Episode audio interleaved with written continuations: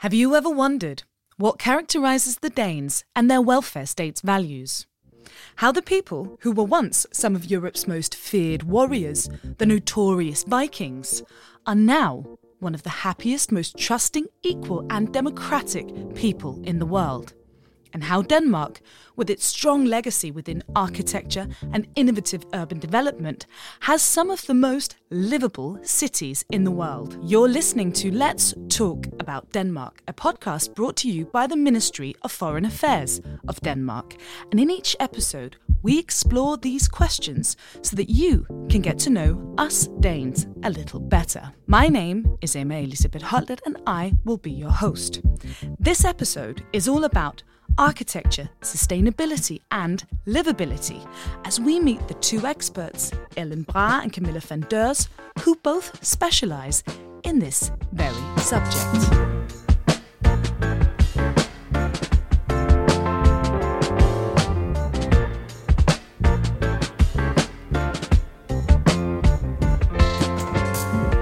And our experts today are Ellen Braa. Ellen is a professor and heads the research group Landscape, Architecture and Urbanism at Copenhagen University. Ellen, thank you for joining us today.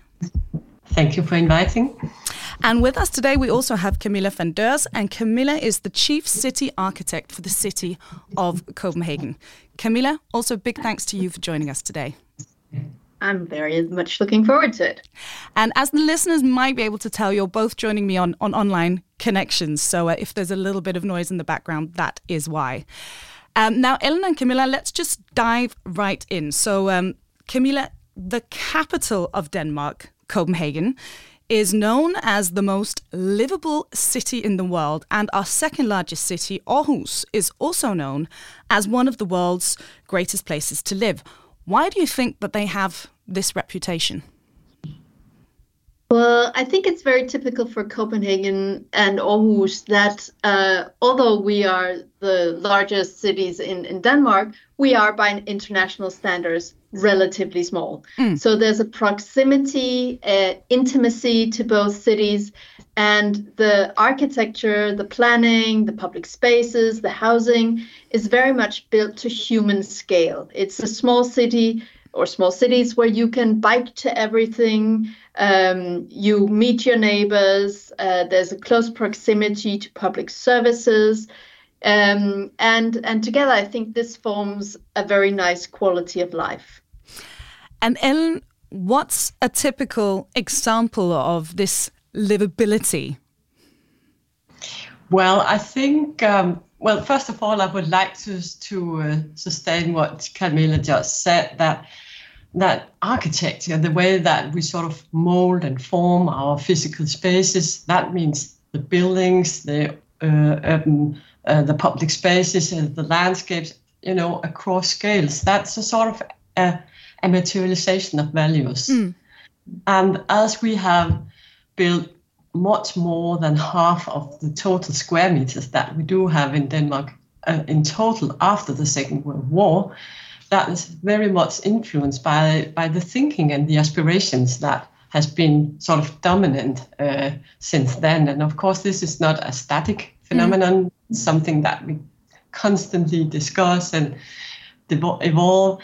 So, um, but I think uh, Camilla's got a point with this sort of, uh, uh you know, this uh, everyday perspective and sort of the proximity of, of what you need to have a well functioning um, everyday life. I mean, it's close to kindergartens, you have high quality public space, green open space, also at, at hand, so to mm. speak. And, um, and the way that we that we get around, I mean, sort of what we with architecture language would call mobility, is also a, a key factor in uh, in this regard. So, so these are all examples of of Danish livability. Is that right? Yes, I would say so. And and um, I also think there's another aspect that we also need to to highlight, and that has to do with the diversity. Um, we we we have quite a sort of a mixed cities in the sense that we have people coming from various cultural groups, social classes living next to to one another and that means that when you enter your your the street from your main door, then you would experience people that are quite different from yourself, and in that environment of trust, that gives a quite sort of diverse and, and vibrant uh, public life. And so this is, of course, an important point. And also, as you said, we're a small country, so uh, that also makes a, a, difference. Our cities are of a quite small scale compared to a lot of other countries. Um, Camilla, how is this livability achieved specifically in Danish architecture? I think there's been over the last um, decades, as as Ellen uh, also highlighted, this focus on building to human scale. So very much an attention to um, uh, creating buildings that, in their mater- materiality, uh, speak to our senses, mm. that are tactile, of natural materials, that have a big concern for qualities like. Um, fresh air, uh, natural daylight, all of these factors that uh, are part of great architecture and that we also know have a really big impact on people's quality of life. Um, our school children learn better if they have natural air, uh, access to daylight. Uh, in the hospitals, we know that people heal faster if they uh, have a view to a tree. So really thinking about, you know, what, how can architecture and creating great architecture uh, emphasize some of the the many many uh, factors of a good healthy life in a city. And Ellen, do you have anything to add to that? For sure, the human dimension is is very key, and that is part of what we of what we perceive, what we experience as citizens. But all these uh, qualities, and that also goes for the green open spaces, that don't, they don't come about uh, by themselves. I mean, they have been planned for and they have been sort of maintained over the decades by uh, municipality and uh, administration and so on. So it, it, it, it's really important to note that, that this has been deliberately planned. And in just a minute, we're going to uh, specifically turn our eye to sustainability and a hopefully greener future as well. But for now, uh, let's just take a look back in time. Ellen, can I ask you, how has the Danish architecture and the way we build our cities developed throughout history? I know this is a big question, but in uh, in in short, it is a huge question. But I think a, a, point of departure could be to understand how we in the Nordic countries, including Denmark, mm. uh, especially in the period after the Second World War, where sort of the welfare state uh, as sort of emerged, is that we have found a way to balance uh, the state, the market, and the citizens, sort of uh, spelling out what are our joint values and how can we sustain that. Um, over the years, this has been sort of uh, uh, challenged uh, in many ways, but I think. Um, I think the the understanding of ourselves as a small population, and we need to collaborate if we want to achieve some goals to keep so to sustain sort of the the the lowest part and the most vulnerable parts of uh, of our citizens via the way that we make housing and so on. I think that's that's really key. And Camilla, do you have anything to add? Yeah, I think in the case of Copenhagen, at least, um, the development that that Ellen is discussing after the Second World War really kicked off with what we call the finger plan. So mm. imagine the palm of your hand as the medieval city center, and then all of the fingers um, as the baseline of the urban development, um, centered around the S train lines so and with green fingers in between or green corridors between the fingers leading right up to the city center. That has been the development model for Copenhagen since 1947. Um, and I think this speaks to this notion of overall planning and continuously working with keeping the qualities of a dense urban uh, core around public transit as the development uh, factor, and then uh, having relatively close proximity to green areas uh, close to the city. Uh, that's a general model for Copenhagen and the entire uh, region around Copenhagen um, that I think influences the livability. So, this idea of having proximity pub- to public transit, it's easy to get around the city relatively, mm. uh, and within um, five ten minutes, you can be in a green area uh, from where you live. Uh, to me at least, that's a very, very strong culture. And that has definitely taken um, the determination and, and consistency of uh, everyone involved, from politicians to architects and planners, civil servants, um, to stick to this plan and to, to further develop it. And of course, this leads us me also to think what about the next generations. When we are talking about sustainability and redevelopment how do we build on this heritage of the finger plan? How do we keep um, redeveloping this uh, proximity to nature particularly since uh, the copenhagen region like so many places in the world is growing? Denmark is urbanizing uh, urbanizing um, which which puts a pressure on our green areas. So mm-hmm I think talking about um, green urbanism and and how we uh, live in the future in our cities uh, is very much uh, relevant to us as well because there is a pressure on these um, recreative areas.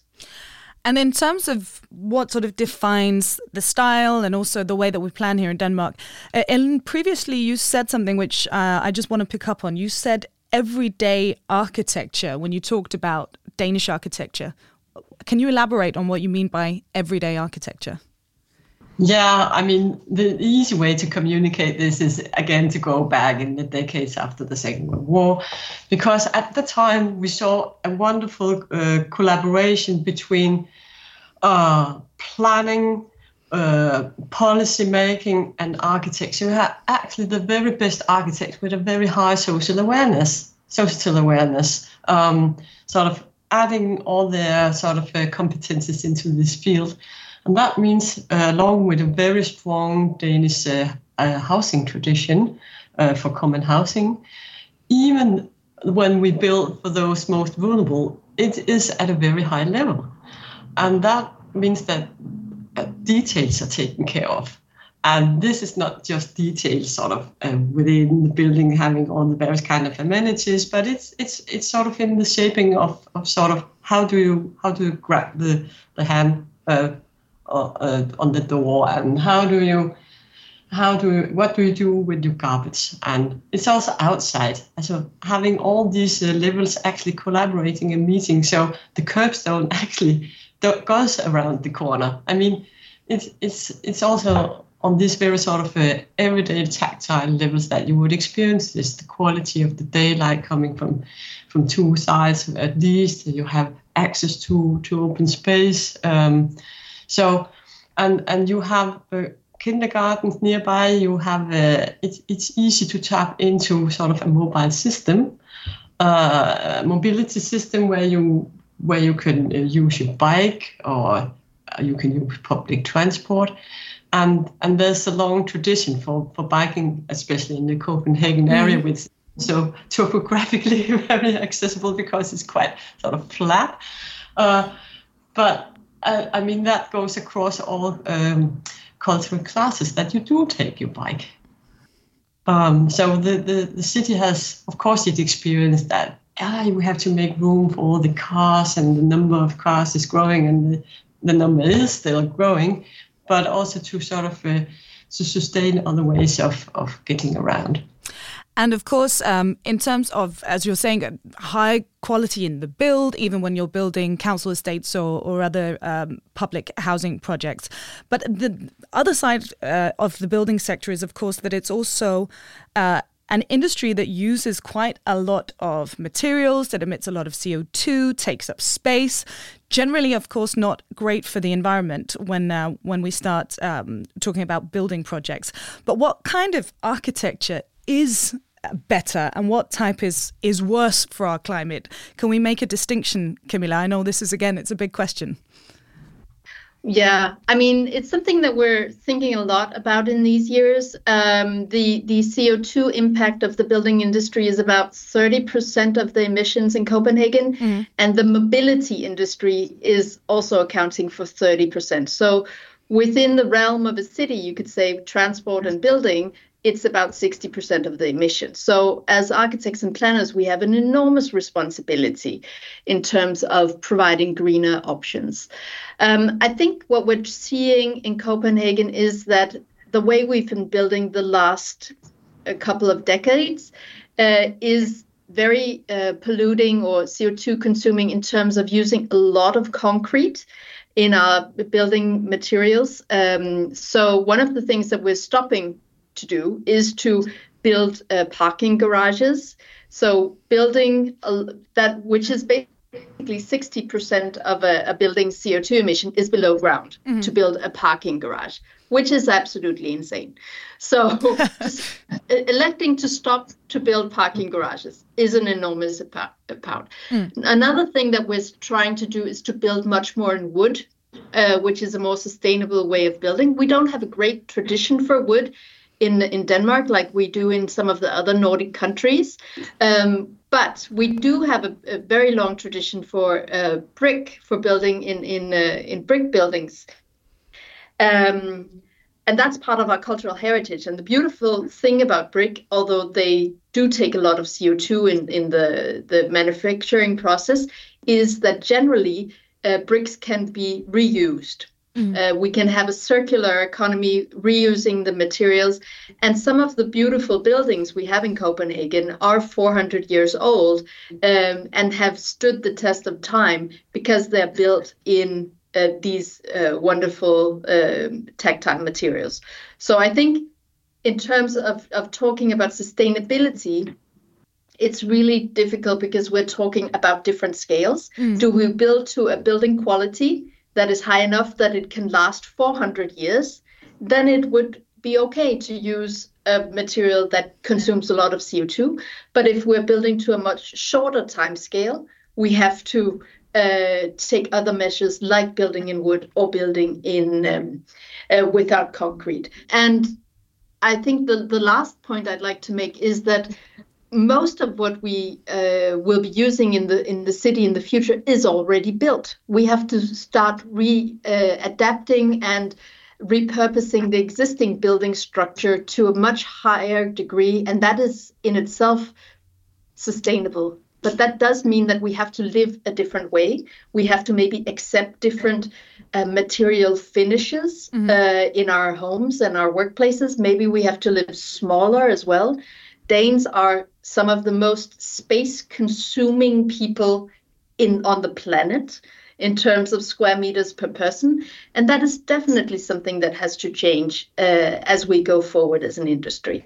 And that is of course challenging you know living in new ways. We have to live much more smaller much more communal. We have to start sharing spaces and amenities in completely new ways. And i think for me that's a really exciting uh, time that uh, as an architect as a planner that we have a responsibility to kind of grip these tendencies and and give solutions to what can this future look like and how can this be a desirable future where it's not about losing something mm. but about actually about gaining much more and i think that's really the key to danish livability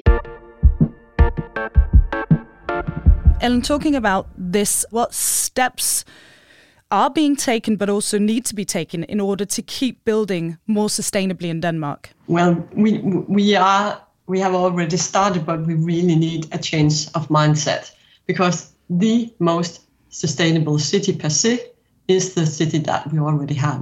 Mm-hmm. How to make the best use of it. How to how I mean the most sustainable building is the building that is in use but it, we may need to change its functions. We need, may need to densify. We may need to sort of, you know, make all these adjustments so it sort of fulfills uh, its role in this uh, uh, ecosystem of of uh, everyday uh, amenities. But I think there's another dimension to to this, and that is that sustainability doesn't go with the building in itself. We also need to to to sort of zoom out and take a look in a larger perspective. And over the last one, two, perhaps even three decades, it's been sort of uh, planning by projects that we have seen. So this all planning attitude that we just described that has been sort of prevailing from 1945 uh, and onwards, it has definitely been challenged. And somehow we need to go in some kind of renegotiation, how functions, uh, development, and so on, how that should be distributed sort of beyond the municipal borders. We need the, the municipalities to to to collaborate to to a, a larger degree than than they do today. And then there's something about the legal framework, sort of how we link uh, materials and economy and so on. That also, of course, we need to revisit this. But we are in a in a in a period of transition. And and as you say, it it's all about the cities and the country that we already have today. Now, Camilla has already talked about the uh, five finger plan and these green spaces, green areas in between the, the fingers. Uh, this is also something which, of course, is, is uh, a big part of sustainable architecture, not just energy and materials, but also these green spaces around or, or near our buildings. Why are green areas, parks, forests, waterfronts, and so on so incredibly important to us? It's not an easy question to answer, but but I think we all have this sort of basic ins- instinct that they are they are important. We we have also a lot of research that sustain that uh, perspective, but um, green open spaces they can take on many forms and they can be situated uh, in in various ways. Uh, and I also think that we have a lot to contribute in, in, in that regard because the way that we knit together open spaces and build up spaces, especially in, in the housing areas, is quite uh, is quite uh, important and unique. And we have a long sort of uh, tradition and, and competences within the field of architecture of creating all these in between zones where you are partly private, partly public, where you can meet your neighbor and so on. Because we also need to acknowledge that that the green open spaces is not just uh, a sort of ecological system. It's mm. also the, the, the, the framework for, for social meetings and for social life in general. And Camilla, what about in a in a city like Copenhagen in terms of the green spaces and, and how you plan that and make sure this exists? Because as we've talked about, we don't have a lot of space in Denmark, right, compared to other countries. Well, I think one thing that that COVID really taught us is that we need these uh, green spaces as sort of a, a, contrast to this hectic urban life. Mm. And so, off the base of COVID, uh, the Copenhagen uh, Council has decided that over the next uh, 20 years, we have to build six new public parks in the city. Uh, we have also a new target for uh, a maximum of 300 meters from every front door to a green urban space. Um, so very tangible sort of uh, acknowledgements that uh, we have to think about seriously think about uh, the green spaces in our city uh, and not only think about the buildings or the, the gray spaces, the public spaces, the, the mobility spaces. So I think this idea about a lack of um, biodiversity mm-hmm. and the lessons uh, globally global lack of biodiversity and the lessons from COVID in terms of, of public health um, has definitely shaped uh, the policies of Copenhagen and, and the city of the future in terms of providing much more value uh, to green areas. And this uh, brings us to the last part of our talk today, because let's take a look into the, the future. Uh, Camilla, let me ask you again how big a part does sustainable architecture play, do you think, when it comes to creating a greener and more livable future? Is it is it everything, essentially?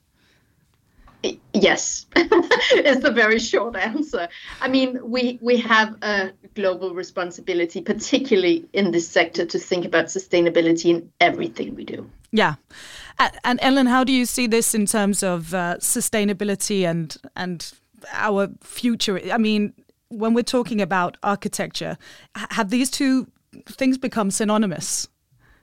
Not at all, but we are we're trying, and I think a key mediator is is uh, to better understand natural materials. And I'm really happy that you brought in the term of biodiversity and, and the challenge that this uh, uh, brings about um, because how can we how can we make these things work together? Um, and we may talk about green open spaces but they are not necessarily green in the ecological sense of the word. So we we we have a, a pathway ahead where we need to sort of find ways of actually making these things work together. Where is it uh, reasonable to talk about increasing the level of biodiversity and how can it be done and what does it take?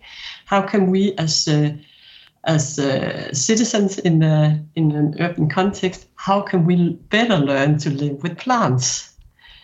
Uh, how can we better learn to live with trees? How can we better learn to live with a higher uh, uh, uh number of flora and, and fauna in, in our in our everyday uh, living areas?